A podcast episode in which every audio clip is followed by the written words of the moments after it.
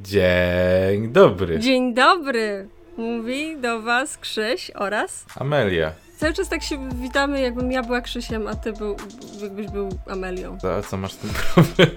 Słuchaj, w komunizmie wszyscy będą mieli wspólne imiona. Szczoteczki do zębów i imiona zostaną skolektywizowane jako pierwsze. Um, witamy w kolejnym odcinku Lewego Interesu um, i to będzie odcinek, um, ponieważ mamy luty, mamy Black History Month, to, to robimy różne afrykańskie odcinki i dzisiaj będzie odcinek o RPA. Jej. Jej, ale zanim do tego przejdziemy, e, przypominamy o tym, żeby robić nam kliknięcia. Przypominamy o tym, że mamy e, teraz e, patronajcika. E, jeśli ktoś byłby skłonny sypnąć jakimś pieniądzem, to jesteśmy bardzo szczęśliwi z tego powodu. I prosimy o engagement, tak zwany, jak to mówią w e, show biznesie. Ej, właśnie pomyślałem o szczycie lipkowości, jaki można by zrobić na, na Black History Month. O Boże. I zrobić z okazji tego, zrobić odcinek o Ilonie Masku, bo on jest z Afryki, a ja... American! Ja nie widzę koloru skóry. Ja, dla mnie to, ja jestem już post-rasizm, ja już nie widzę koloru, nie widzę problemu, więc dzisiaj będziemy mówić tylko o Ilonie Masku. Tak, to jest koniec tego odcinka. Jeśli chcieliście posłuchać coś o prawach, lecz w większości w, w, w Afryce to nie jest ten odcinek. Ten odcinek będzie o, o tym, jak samemu y, za pomocą swoich y, drobnych y, pieniędzy odziedziczonych po rodzicach, którzy mają kopalnię szmaragdów, zacząć firmę, która kradnie ludziom pieniądze skąd. Ale najpierw mały, mały wstęp historyczny, w którym będziemy przez godzinę opowiadać o RPA i nie wspomniemy ani, więcej, ani słowem więcej o Ilonie Musk. Obiecujemy. E, dobra, to co to jest RPA? Kim ona jest? Co ona robi? Po pierwsze, zanim jeszcze w ogóle przejdę do, do samego RPA, to polecam, jeśli nie widzieliście nasze odcinki o Indiach, które, w których trochę jest mówione o samej kolonizacji i przede wszystkim o brytyjskiej i trochę o holenderskiej e, kolonizacji świata. E, I też w, w ten czwartek wrzuciłam przemówienie Tomasa Sankary, który też mówił dużo o samej polityce e, różnych krajów afrykańskich i dużo krytykował RPA w swoim, e, w, swoim przemówieniu, ale też w, w, tym odcinku Lewych Papierów jest e, dość szczegółowo wyjaśniony proces kolonizacji Afryki przez państwa europejskie. Mm, tam opowiadałam głównie o państwach, które były kolonizowane przez Francję, a dzisiaj będziemy mówili o, o, o państwie skolonizowanym przez Holendrów i Brytyjczyków. E, więc e, skąd oni się tam wzięli? Oni się tam wzięli. Zacznijmy od tego, że w, we wczes, w późnym XVII wieku, wczesnym XVIII Portugalczycy zrobili taką wielką high-tech innowację, która polegała na tym, że wymyślili, że żagle powinny być trójkątne.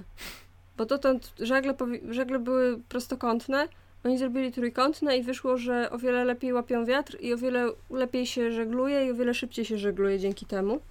E, więc e, tak pożeglowali i w ten sposób Portugalczycy zyskali pe pewną przewagę nad innymi państwami europejskimi e, i zaczęli kolonizować, znaczy próbowali kolonizować w różnych miejscach. Jak się dowiedzieliśmy już wcześniej z odcinka indyjskiego, średnio im to szło, bo za tym, za tą potęgą jakby marynistyczną nie szło nie szła potęga militarna, ani jakaś taka, jakaś taka wizja, e, więc e, dość szybko Portugalczycy coś tam kombinowali z, z tym tak zwanym przylądkiem dobrej nadziei, czyli samym południem Afryki, ale szybko ich stamtąd wyparli e, Holendrzy.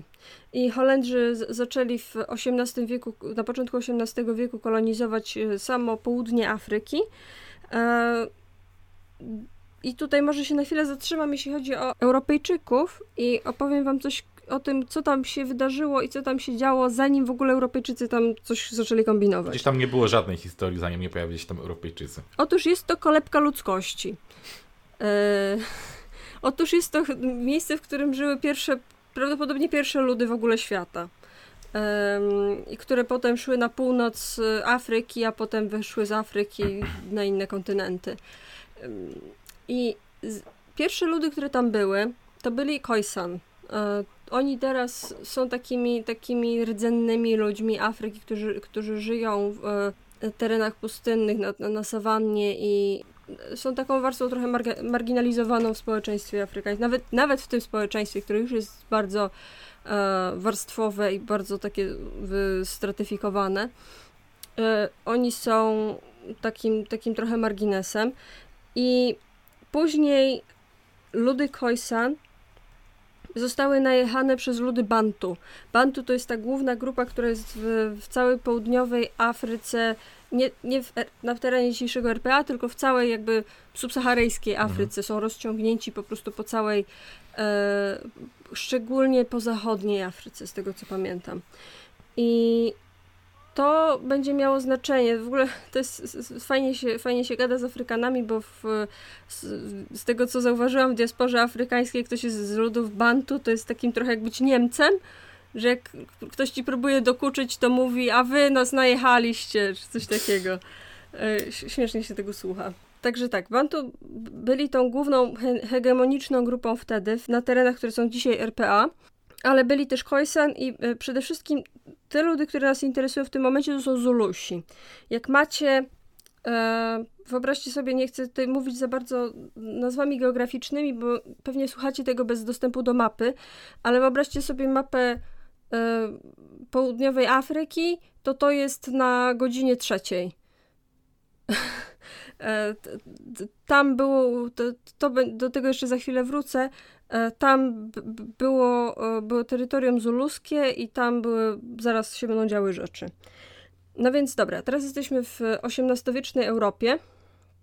Mm, Holendrzy kombinują. Holendrzy e, się, się, się, próbują kolonizować. Holendrzy kolonizują głównie dwie rzeczy. Właśnie południe Afryki, bo to jest dobry, dobre miejsce, bo tam trzeba zawsze zahaczyć, jak do Indii płyniesz mm. z Europy. E, więc dobrze było mieć ten teren a po drugie tereny, które dzisiaj są Indonezją, tak zwane wschodnie Indie. Mm, I jak się, jeśli słuchaliście odcinka indyjskiego, to wiecie dlaczego akurat tam, a nie same Indie, bo po prostu wcześniej tam była osobna historia, że, że, że zostali wypchnięci na te wschodnie Indie, ale dobra. Eee, no i teraz w Europie jest taka sytuacja, że Napoleon zajmuje Holandię. Jest rok 1795 i Napoleon wchodzi do Holandii i robi tam swoje marionetkowe państwo. I wtedy Anglia zaczyna się trochę niepokoić, że skoro Francja zajęła Holandię, to zaraz Francja też zajmie ten sam, to samo południe e, Afryki.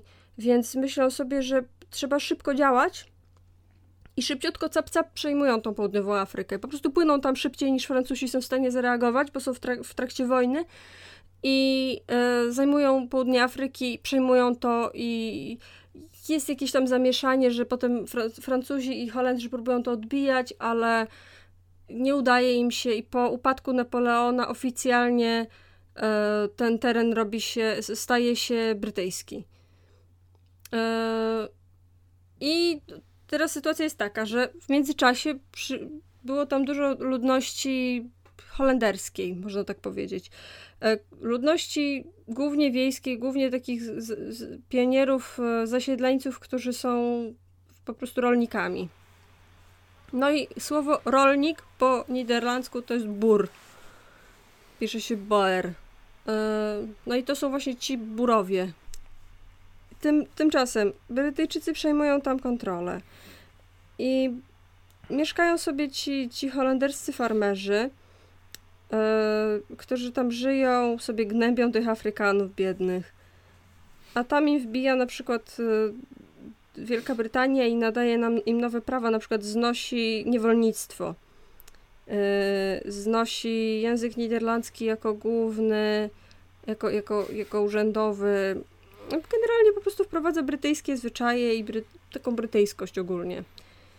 I... Wyobraziłem sobie Krzysztofa Bosaka tamtych czasów tłumaczącego, że to nie jest tak, że niewolnictwo, jakby, że on broni samego w sobie niewolnictwa, ale to jest atak na przedsiębiorców.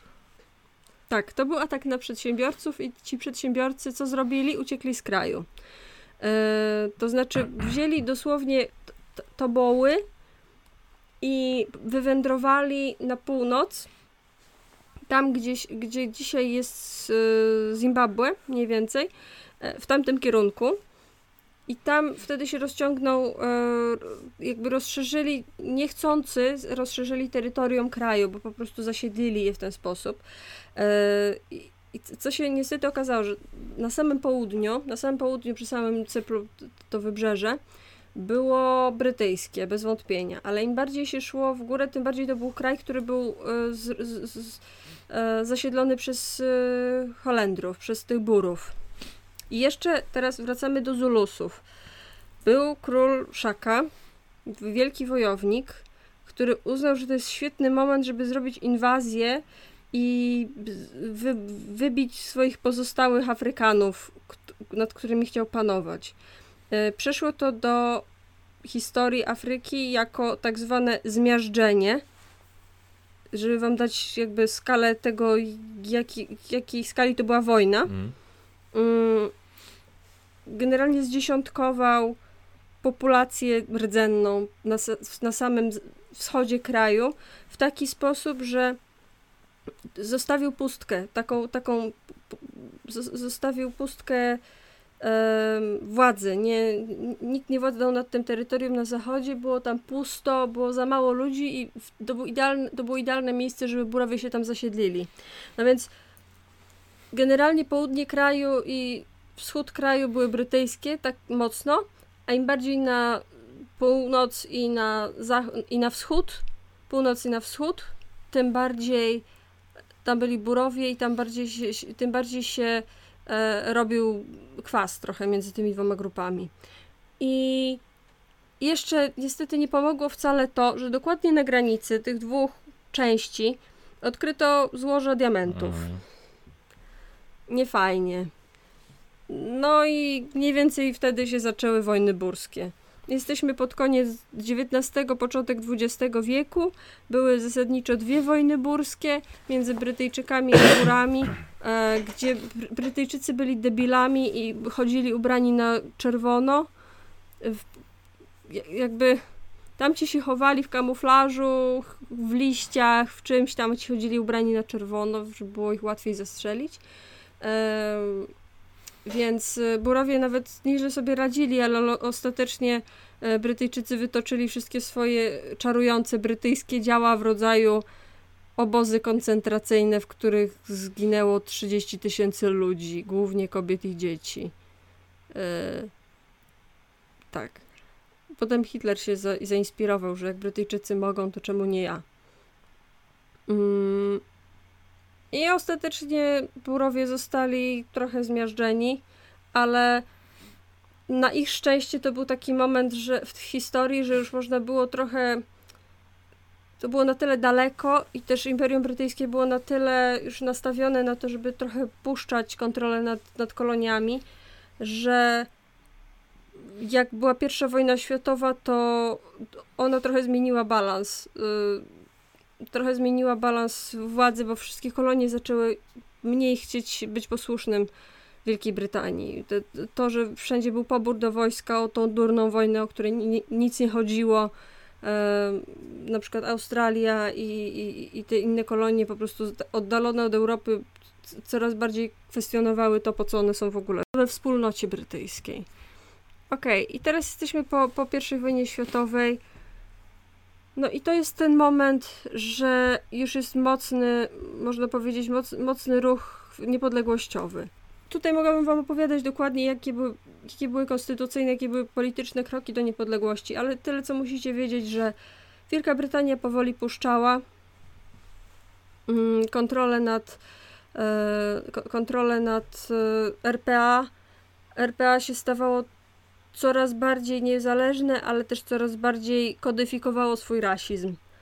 31 maja 1961 roku kraj oficjalnie stał się republiką i mm, jakby królowa Elżbieta e, przestała być królową Afryki Południowej e, i ich e, gubernator generalny został prezydentem i jakby w tym momencie stali się ostatecznie jakby pokazali swoją niezależność, tak? E, ale tak naprawdę byli w, dużej, w dużym stopniu niezależnym państwem pod względem takiego samostanowienia już od dłuższego czasu. Już pod koniec lat 40. XX wieku w parlamencie władzę przejęła partia nacjonalistyczna. W sensie to jest nie obelga z mojej strony, tylko to jest jej nazwa, ale również obelga z mojej strony. I partia nacjonalistyczna ogólnie przejęła władzę dzięki, co jest zabawne, populizmowi w pewnym sensie, ale populizmowi skierowanemu w stronę e, tej populacji, która się liczyła, dlatego że w, tamtych czasach e, RPA e, populacja białych stanowiła około 20% e, mieszkańców kraju, ale mieli 100% władzy, jeżeli chodziło o jakąkolwiek ustawodawczość i w ogóle ustrukturyzowaną władzę. I tak, partia nacjonalistyczna przyjmuje władzę. w 1952 roku wprowadzają akt czarnych praw. E, jest to zbiór usystematyz usystematyzowanego e, rasizmu i dodatkowo jeszcze przy okazji e, wrzucono tam też postanowienia, które wcześniej próbowali przyjąć, zanim mieli większość, a więc ogólnie po prostu zrealizowali wszystkie swoje faszystowskie fantazje. Takim przepisem, który dobrze zawierał w sobie ducha tego wszystkiego, były prawo paszportowe, to, to były prawa, które miały swoją formę tak naprawdę już wcześniej, e, w tej czy innej, e, tym, tym czy innym kształcie, ale często były bardziej regionalne. E, w 52 stały się uniwersalne dla całego kraju. Polegało to mniej więcej na tym, że każdy czarny mieszkaniec powyżej 16 roku życia musiał nosić przy sobie coś w stylu paszportu. To był tak zwany paszport wewnętrzny, czyli paszport, który zezwalał mu przebywać w konkretnych miejscach w kraju. Nie mógł podróżować poza e, swój region bez takiego paszportu. Paszport dodatkowo zezwalał tylko na pobyt w konkretnych miejscach, w konkretnym czasie, żeby pokazać e, właśnie rozmach tego rasizmu. Musiał e, zawierać w sobie informacje o pracodawcy, przy czym pracodawca był prawnie określony jako biała osoba. I dodatkowo w, przez pewne okresy na przykład trzeba było mieć opis charakteru żeby służby mogły ocenić, czy powinny ci pozwolić przebywać, czy nie, bo właściwie każdy e, urzędnik państwowy mógł w każdej chwili wykreślić ci z paszportu pozwolenie i przy okazji w momencie, w którym wykreślał ci z paszportu pozwolenie na przebywanie w miejscu, w którym wcześniej byłeś legalnie, automatycznie byłeś tam nielegalnie i mieli prawo cię zamknąć e, i mógł podjąć decyzję na podstawie opisu charakteru sporządzonego przez e, pracodawcę, który musiał być białym facetem na ogół, pewnie czasami białą kobietą, ale głównie białym facetem. E, no i prawnie musiał być biały. A więc, innymi słowy, e, biały urzędnik zaglądał do paszpor paszportu i patrzył, o, twój biały szef mówi, że jesteś e, agresywny. Jednak nie możesz tu być, idziesz do więzienia. I mieli prawo robić tego typu rzeczy. Już wcześniej bywały różne protesty przeciwko temu, ruchy przeciwko temu, ale to nigdy nie było tak bardzo scentralizowane, dlatego że właśnie to były różne lokalne prawa. Po 52 stało się to państw, państwowym prawem i zaczęło powoli zagotowywać e, stosunki, bo wtedy też ogólnie zaczęto wprowadzać e, prawa apartheidowe. Dotyczyło to w dużej mierze przykład wykorzystania przestrzeni publicznych, usług publicznych, co oznaczało, że e, szpitale były tylko dla białych, że e, policja nie pomogła ci, jeżeli byłeś czarny. Ogólnie w sumie taki, taki Jim Crow ze Stanów Zjednoczonych. To się dość nakręcało i właśnie ciągle takim punktem e, wyjścia był ten były te prawa paszportowe. To był taki element, który powiedzmy można było najłatwiej wskazać jako jeden akt, który, od którego zaczęły się y, zbiorowe niezadowolenia i to wszystko się powiedzmy wygotowało w momencie, w którym doszło do masakry w Sharpeville. Jeszcze małe tło do tej masakry. Ogólnie w Afryce Południowej funkcjonowały wtedy trzy główne organizacje e, walczące o wyzwolenie tak naprawdę. Oni sami określali siebie często jako właśnie mm, organizacje wyzwoleńcze. Te trzy organizacje to była Ludowa Organizacja Azani, Panafrykanistyczny Kongres Azani i Afrykański Kongres Narodowy. Mm, Afrykański Kongres Narodowy na pewno e, kojarzycie. I te organizacje zajmowały się w dużej mierze z, e, organizacją i skupianiem osób chcących e, działać na rzecz właśnie zmiany stanu rzeczy. E, przy czym no, biali sami zmusili tak naprawdę te organizacje do działania oddolnie, dlatego że nie było po prostu czarnej reprezentacji we władzach tak naprawdę. E, Organizacja Ludowa Azani i Afrykański Kongres Narodowy e, mia miały, zorganizowały takie kampanie, które w sumie działały dość, e, w, powiedzmy, w granicach prawa, organizowały strajki przeciwko właśnie prawu paszportowemu, ale jednocześnie były też wewnątrz tych organizacji funkcjonowały też e, operacje no mniej legalne. Ale jednak wciąż do tego czasu nie było jeszcze takiej otwartej, powiedzmy, wojny między tymi organizacjami a y, rządem. Każdym razie nie całymi tymi organizacjami, pewne ich komórki były bardziej radykalne, ale w tym momencie to wciąż były po prostu organizacje, powiedzmy, takie polityczne czy okołopolityczne, ruchy społeczne. Tymczasem właśnie w, w obie, y, w obie organizacje zaczęły e, swoje kampanie przeciwko prawu paszportowemu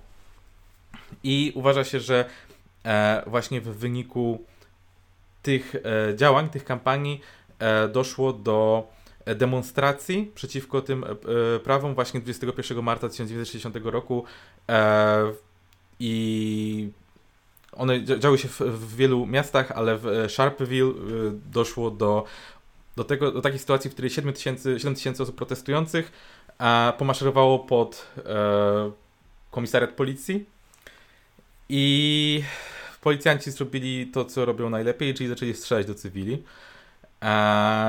I tak, w samym wydarzeniu zginęło 69 osób, e, w tym sporo kobiet i dzieci. 180 e, osób zostało rannych.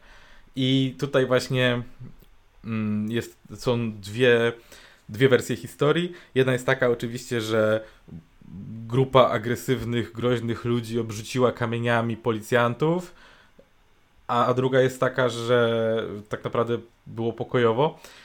Istnieje szansa, myślę, że pewnie było trochę i tego, i tego, ale y, ważne jest to, że z raportów y, wynika, że bardzo wiele osób, które było rannych i zabitych w trakcie tego, tego ostrzału, y, było postrzelonych w plecy. A więc a raczej nie był to super zorganizowany szturm, chyba że szturmowali tyłem, ale policja wciąż uważała, że E, no, Niektórzy popełnili samobójstwo strzelając sobie dwa razy tak, w głowę. Tak. I ostatecznie oficjalny raport policji był taki, że niedoświadczony funkcjonariusz spanikował i wystrzelił w tłum i to doprowadziło do trwającego 40 sekund incydentu, w którym mnóstwo policjantów zaczęło strzelać w tłum, ale to była wina tego jednego, jednego młodego chłopaka, nie tak, że wszyscy policjanci chcieli strzelać, tak jakoś wyszło po prostu. Mhm, zawsze tak wychodzi. Jeszcze do tego zresztą wrócimy, jeszcze wam opowiem o, o masakrze w Marikanie, która była podobna. No i e, następnie e, faszystowskie władze musiały podjąć oczywiście bardzo poważne kroki w celu wyjaśnienia tej sytuacji i dopuszczenia, doprowadzenia do tego, żeby nigdy nie powtórzyła się taka sytuacja, w której ich policja morduje cywilów. A więc y, wprowadzili stan zagrożenia i oznajmili, że organizacje, które brały udział w organizacji tych protestów są nielegalne i zostały w całości zbanowane. Więc y, tak, więc policja ostatecznie nie zrobiła nic złego, to była wina ludzi, że tam protestowali oczywiście. E, ponad 18 tysięcy ludzi zostało wtedy zresztą aresztowanych.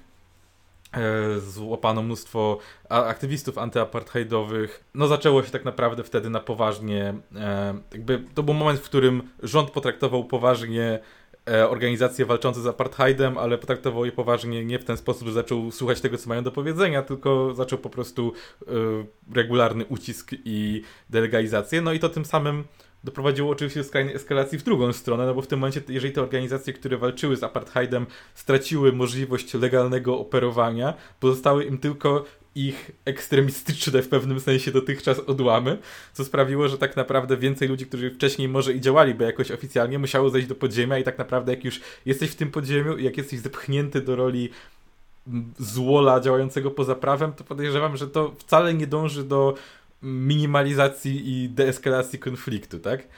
Eee, no i się zaczęło. W sensie już wcześniej się zaczęło, ale wtedy się rozkręciło. I tak naprawdę e, e, zaczęto e, wtedy, e, zaczęły się wtedy sabotaże, właściwie regularna walka bojówek tych organizacji.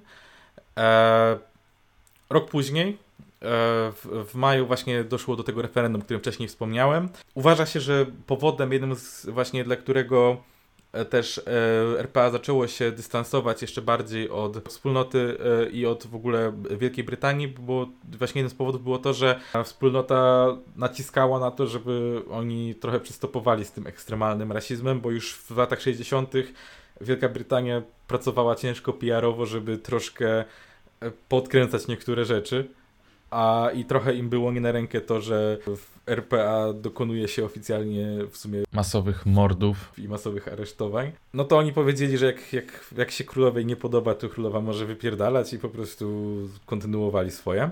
E, tak, w 1962 Mandela, który był właśnie działaczem e, Kongresu Narodowego, e, został aresztowany za e, organizację strajków robotniczych i opuszczenie kraju bez pozwolenia, więc bardzo, bardzo poważne i dzisiaj również bardzo aktualne jakby podstawy do aresztowania kogoś skazanego na kilka lat. I y, co się y, stało, Mandela w sumie chciał pokazać, że uznał, że wykorzysta jakby swój własny proces, żeby zrobić z tego pokaz, że właśnie Afrykański Kongres Narodowy moralnie sprzeciwia się rasizmowi i e, bo też akurat mnóstwo jego supporterów i w ogóle ludzi popierających Kongres Narodowy się zebrało e, nagłaśniało ten proces, e, protestowało w trakcie. On sam właśnie został skazany na 5 lat za te, za te sprawy, ale jakby był w, w pełni świadom, że do tego dojdzie, dlatego że e, przyszedł na proces ubrany w e, tradycyjny strój. Nice. Tradycyjny strój ludowy, strój karos, który jest takim ubraniem ze skóry zwierzęcia e, z zachowanym na nim futrem e, od zewnętrznej strony. E, nie wezwał żadnych świadków i gdy miał e, właśnie się jakby wypowiedzieć na mównicy, to e, zaczął, wygłosił mowę tak naprawdę polityczną i filozoficzno-moralną potem go wyprowadzali, to jeszcze ludzie po prostu śpiewali na ulicach i w ogóle byli bardzo jakby to, to był taki tak naprawdę, była przegrana w sądzie, ale bardzo duże zwycięstwo wizerunkowe i to była bardzo sprytna tak naprawdę taka akcja opozycji. Problem jest taki, że e, gdy właśnie został aresztowany, wtedy dostał 5 lat, za dwa lata później znaleziono na niego dowody, e, że e, uczestniczył w jakichś akcjach sabotażowych, prokuratura żądała oczywiście kary śmierci. Ostatecznie sąd skazał go na dożywocie. I tak naprawdę cała ta e, akcja Mandeli uczyniła z niego w dużej mierze symbol. Była bardzo taka, powiedzmy, korzystna dla, dla całego ruchu, bo też była mocno medialna. Zwiększyły się naciski e, zewnętrzne na, na RPA, ale i wewnątrz zaczęły się pojawiać coraz częściej głosy e, właśnie przeciwne temu. E, wciąż jednak dominację w parlamencie miała partia e, nacjonalistyczna i w sumie taką równie za, za rasistowskimi politykami były też e, kilka partii opozycyjnych, między innymi partia konserwatywna, ale część partii opozycyjnych była za równouprawnieniem czarnych mieszkańców kraju.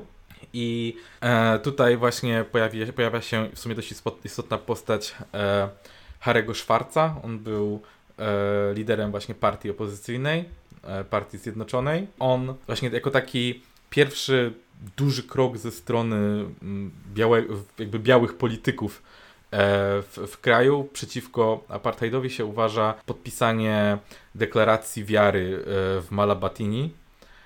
To była deklaracja podpisana właśnie między liderem partii opozycyjnej a Gatsa Butelezim, E, który z kolei e, był, był działaczem, e, ale w sumie był też w strukturach powiedzmy klanowych, był dowódcą w pewnym sensie. Czyli miał jakąś realną władzę, powiedzmy, właśnie w. Bo akurat w RPA tego było bardzo dużo, dalej pewnie trochę jest, że mm, jakby w pewnych rejonach istotniejsza jest tak naprawdę trochę władza lokalna do pewnego stopnia. Pewnie tak długo jak kto, nie dzieje się krzywda białemu, e, krzywda w znaczeniu nie jest on dostatecznie e, wywyższany, bo wtedy przyjeżdża policja i pewnie robi z nim porządek, w cudzysłowie.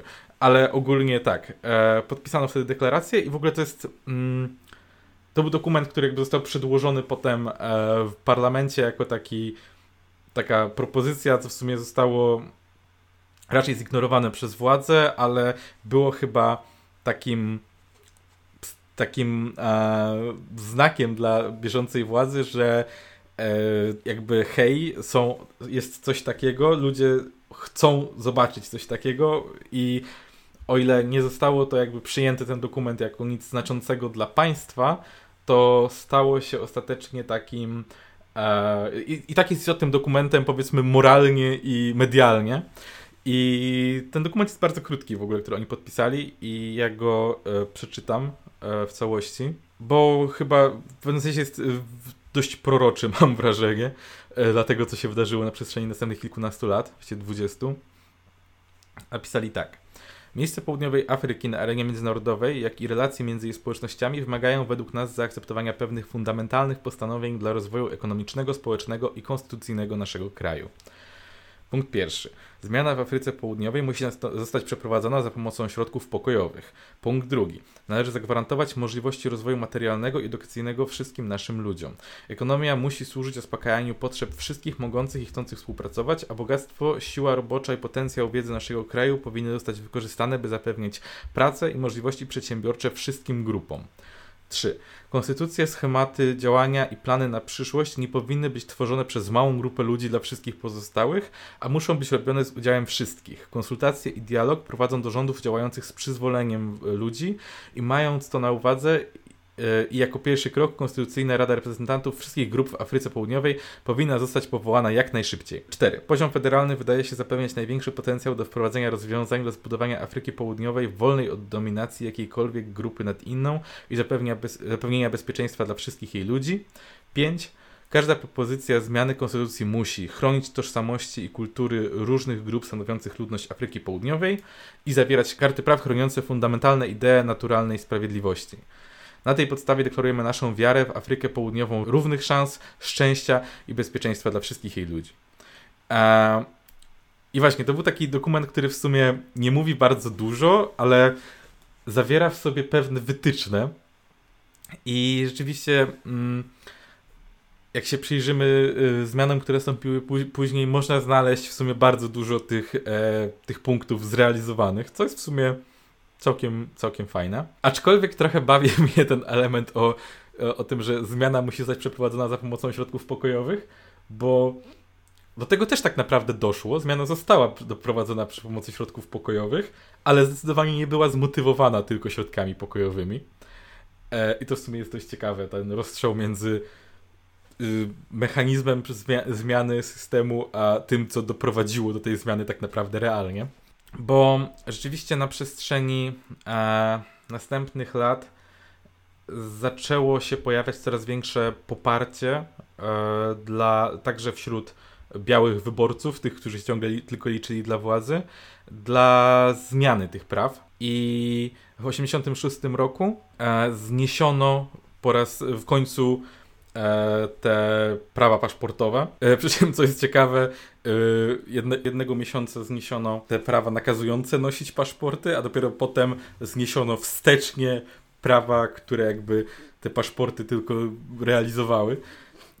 Ale tak, ostatecznie zniesiono to i jakby zaczęły się deklaracje ze strony rzeczywiście polityków, żeby jakby odchodzić od praw apartheidowych. I tak naprawdę w, w roku 1990 do w, właśnie do władzy doszedł de Klerk, to był przywódca partii nacjonalistycznej, który w tym momencie zniósł tą delegalizację e, wcześniej, wcześniej zdelegalizowanych organizacji wyzwoleńczych, e, w tym e, właśnie Afrykańskiego Kongresu Narodowego i udzielił ułaskawienia Mandeli, który wyszedł wtedy po ilu? Po 26 Siedmiu. latach, 7, no właśnie 27 latach e, z więzienia. Um, ale tak naprawdę do jako takiego zniesienia rozdziału prawnego jeszcze nie doszło przez e, dwa lata ponad.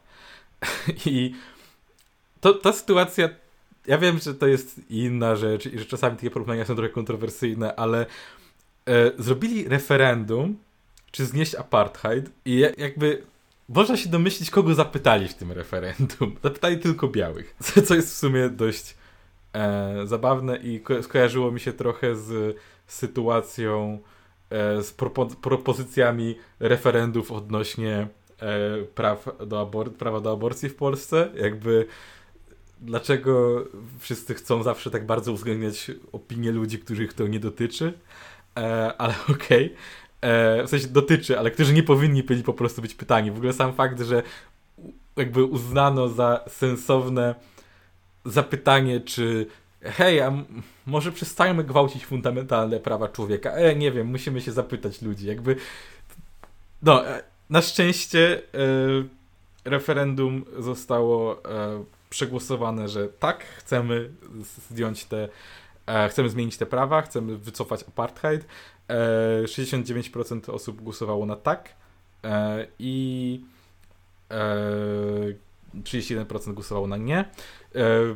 Właściwie takim jedyną silną e, opozycją przeciwko zniesieniu apartheidu była w tym momencie partia konserwatywna, e, a za e, zniesieniem apartheidu była partia demokratyczna i nacjonalistyczna w jakiś sposób. I tak, tak naprawdę to doprowadziło do tego, że w 1994 roku doszło do pierwszych prawdziwych wyborów w RPA, w których E, zagłosować mogły osoby e, niezależnie od rasy. I od tego czasu wszystko jest ok w RPA i wszystko jest super i kraj się rozwija, płynie mlekiem i miodem i... No nie, właśnie, właśnie nie, bo teraz to jest tam ludobójstwo białych, nie słyszałaś? Kurde, no. Pojebana akcja. No, a to jest pra prawdziwa rzecz, ale nie wolno mówić, bo poprawność polityczna.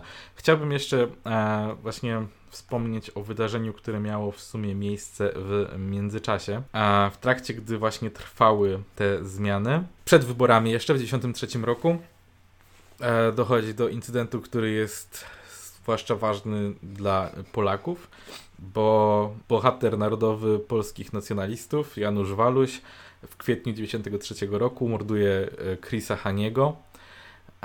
Chris Hani był działaczem, był e, weteranem e, wojny wyzwoleńczej w Rodezji. I ogólnie był, e, był komunistycznym, powiedzmy, działaczem e, walczącym z apartheidem. Znaczy, w, w, w, kontekście RPA walczył z apartheidem. Jakby był, był tak naprawdę człowiekiem, który wstawił się też wieloma innymi rzeczami, ale w sumie to prawdopodobnie będzie dla nas temat na inny odcinek. Mhm, tak, i w ogóle wszystkie te. Tak naprawdę nie, nie gadaliśmy o tym dzisiaj specjalnie.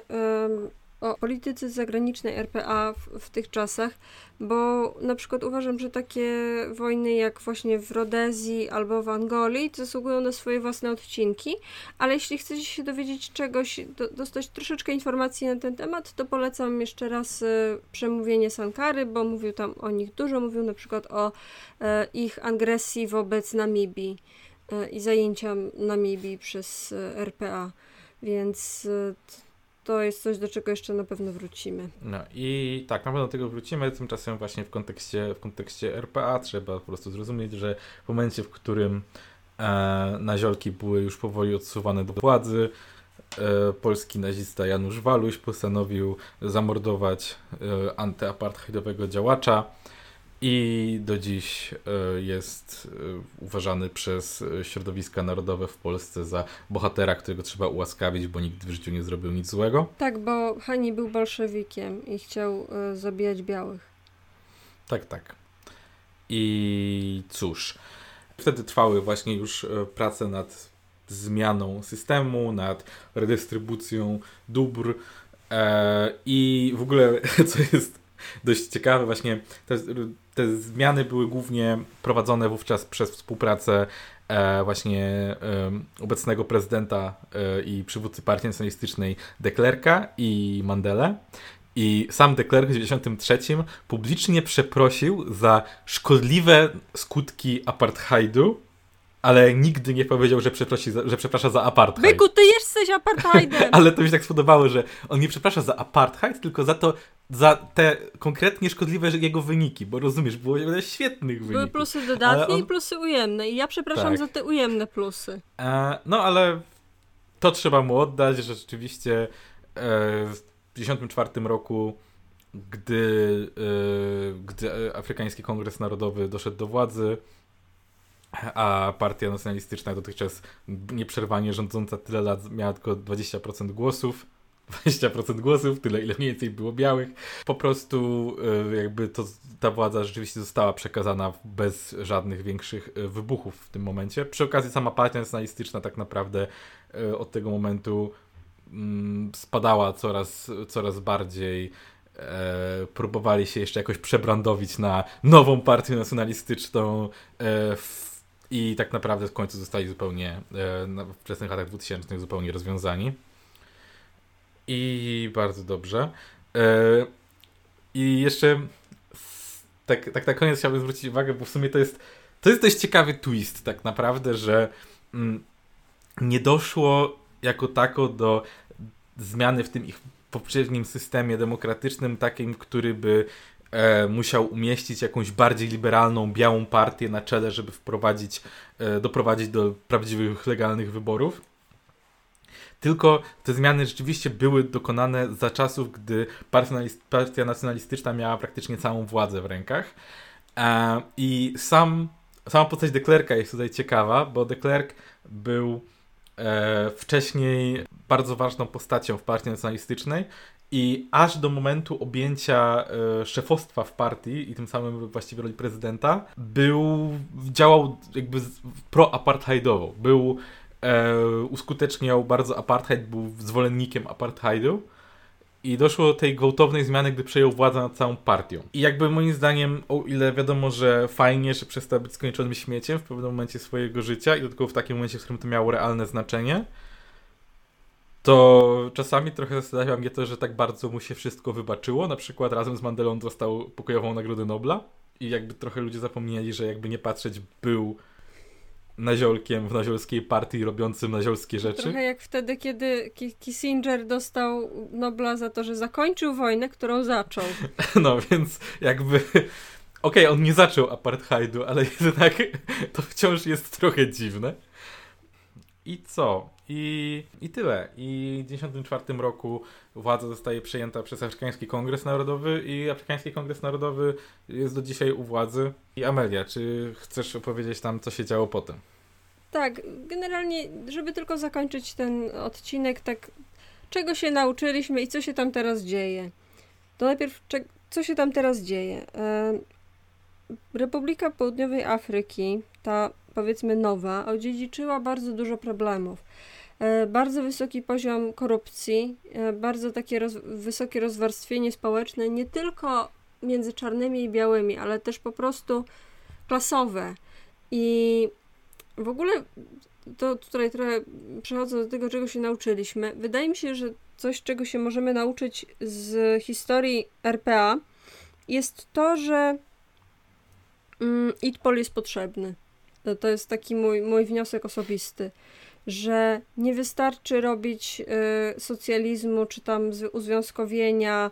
Y, musi być intersekcjonalność, bo bez tego po prostu ani rusz cała historia tak naprawdę tych wszystkich przemian w RPA to jest historia różnych ruchów robotniczych tak naprawdę. Najpierw od burów, którzy byli naprawdę biednymi farmerami po prostu i, i chcieli tylko sprzedawać swoje, swoje plony po jakichś korzystnych cenach, którzy mogliby osiągnąć znacznie więcej, gdyby nie byli kurwa rasistami. E, I, I na przykład dobrym przykładem tego jest, e, jest tak zwana rebelia Randa która miała miejsce w 1922 roku, która polegała na tym, że były to po prostu strajki. Były to normalne strajki farmerów, e, którzy e, byli zastępowani czarnymi robotnikami za o wiele niższe pieniądze, albo wręcz tak naprawdę za niewolnicze pensje pracującymi. I zamiast się spiknąć z tymi czarnymi niewolnikami, czy tam prawie niewolnikami, to oni postanowili zrobić, uwaga, hasło e, robotnicy wszystkich krajów, łączcie się dla białej południowej Afryki. Zrobili kilka pogromów wobec, przeciwko czarnym, oprócz tego, że robili strajki normalnie, po czym zostali rozjebani przez e, Brytyjczyków. Czyli jak, e... zawsze, jak, jak zawsze walka zupełnie przebiegła w złym miejscu i przeciwko nie tym osobom, co trzeba. Tak. E... I, I, według mnie właśnie to, to, to jest widoczne i to, to jest coś, co się powtarza teraz we współczesnej Afryce. E, to jest w ogóle kraj, jeden z, jednej z najwyższych y, poziomów ksenofobii. I to nie tylko ksenofobii białych wobec czarnych, tylko w ogóle wszystkich wobec każdej zewnętrznej grupie.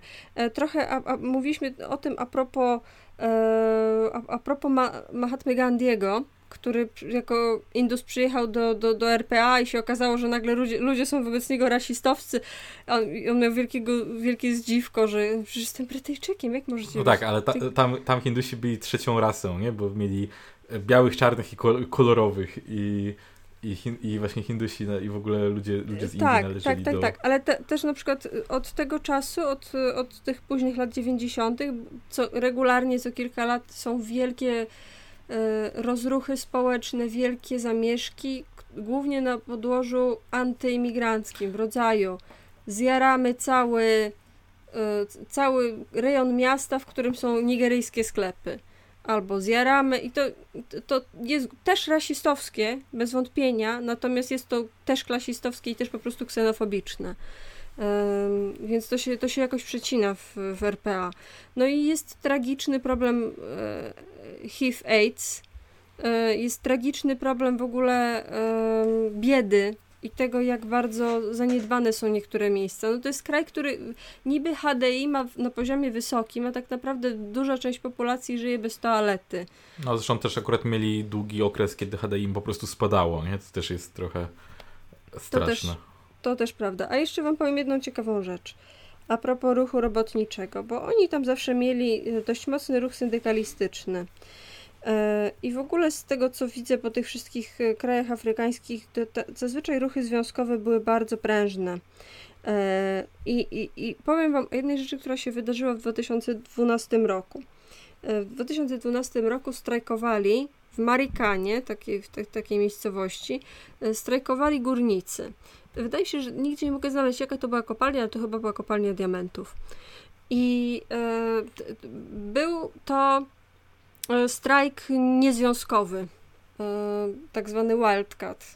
E, więc to był taki konflikt bardziej już zaostrzony, bardziej agresywny i on był też, nie, nie, nie ma co tutaj ukrywać, był zaostrzony przez obie strony.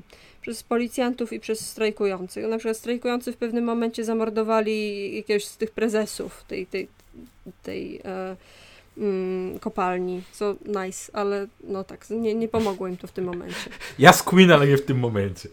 Tak, ja z Queen, ale wstrzymaj się troszkę. E, ja, ja, ja z Queen, ale niestety zakończyło się to w taki sposób, że mm, generalnie większość ludzi w tej kopalni chciało się zachowywać pokojowo, ale było też paru wkurwionych, i ktoś w pewnym momencie podczas y, takiego zwarcia z policją y, zaczął wymachiwać bronią. Czy według niektórych policjantów zaczął strzelać, a według niektórych tylko zaczął wymachiwać. Czy po prostu wyjął broń. I policja zabiła 40 osób. I zabiła 40 osób w taki sposób, że y, ewidentnie nawet nie mogli się bronić, że to była obrona konieczna, bo, bo, bo policjanci się kryli, kampili się za samochodami, wyskakiwali i strzelali do ludzi.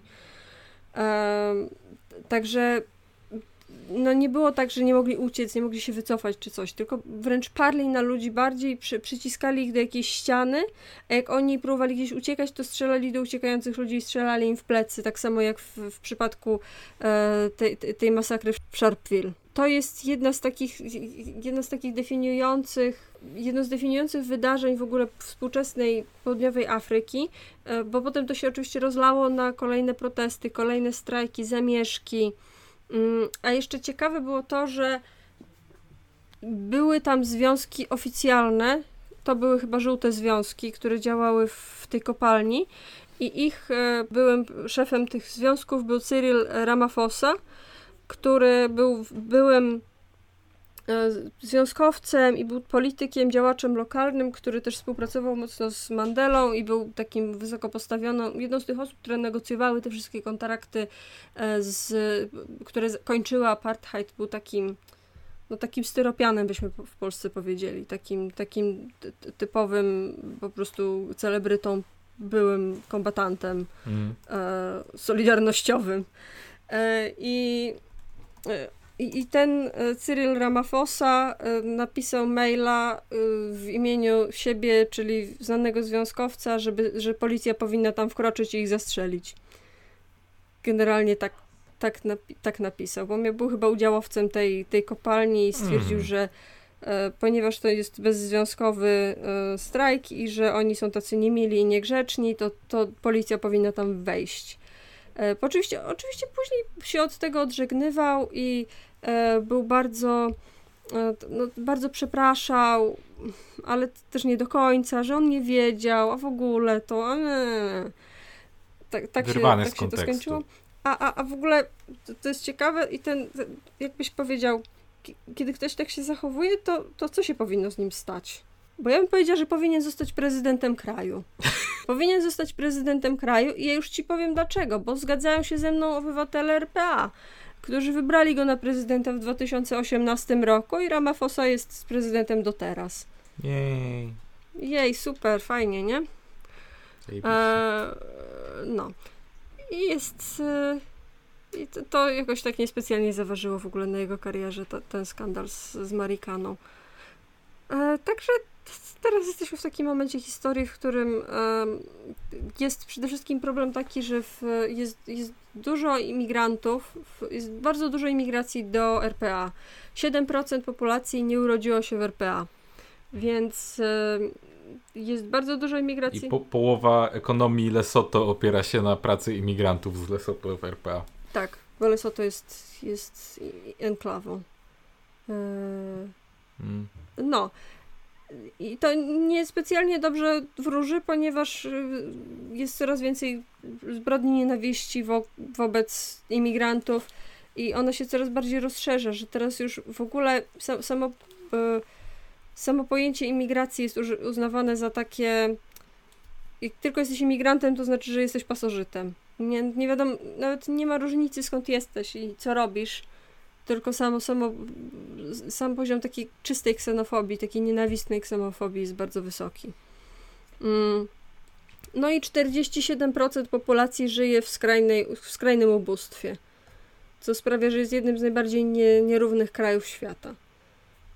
Według niektórych rankingów najbardziej nierównym zresztą. Tak. I ma bardzo wysoki poziom korupcji. Poprzedni prezydent y, Jacob Zuma był w ogóle chyba podał się do dymisji przez kolejne skandale korupcyjne. E, I, I, też tam bardzo kombinują Indusi teraz. Indie bardzo korumpują urzędników, korumpują cały aparat państwowy, próbują tam budować i na przykład rodzina Gupta jest znana z tego, że są Indusami, którzy robią interesy w RPA i robią je na bardzo takich skorumpowanych warunkach. E, no, Dobrze, czego się nauczyliśmy? E, rasizm zły. Rasizm zły. Rasizm zły i e, kolonializm również zły. Tak. tak. Um. Dobrze, to dziękujemy Państwu i e, mamy e, teraz dla Państwa ważne ogłoszenie, a mianowicie na Patronajcie można dawać nam pieniądze. E, a i teraz chcemy podziękować bardzo wszystkim osobom, które nam dały swoje pieniądze w ciągu ostatniego miesiąca. Jesteśmy bardzo tym zaszczyceni i bardzo Wam dziękujemy naprawdę. I yy, no, jesteście super. Anonim, MF, Łukasz Maciejewski, Mateusz 35, Michał M, Super Kokos, Tomasz Dubiel, kolega Tomka Popa, Jean. Dzięki wszystkim jeszcze raz. E, klikajcie przyciski, followujcie, subskrybujcie, piszcie komentarze, wbijajcie na grupkę. E, na grupce są informacje różne i można komentować coś i e, wpadajcie na streamy i dzięki. Cześć!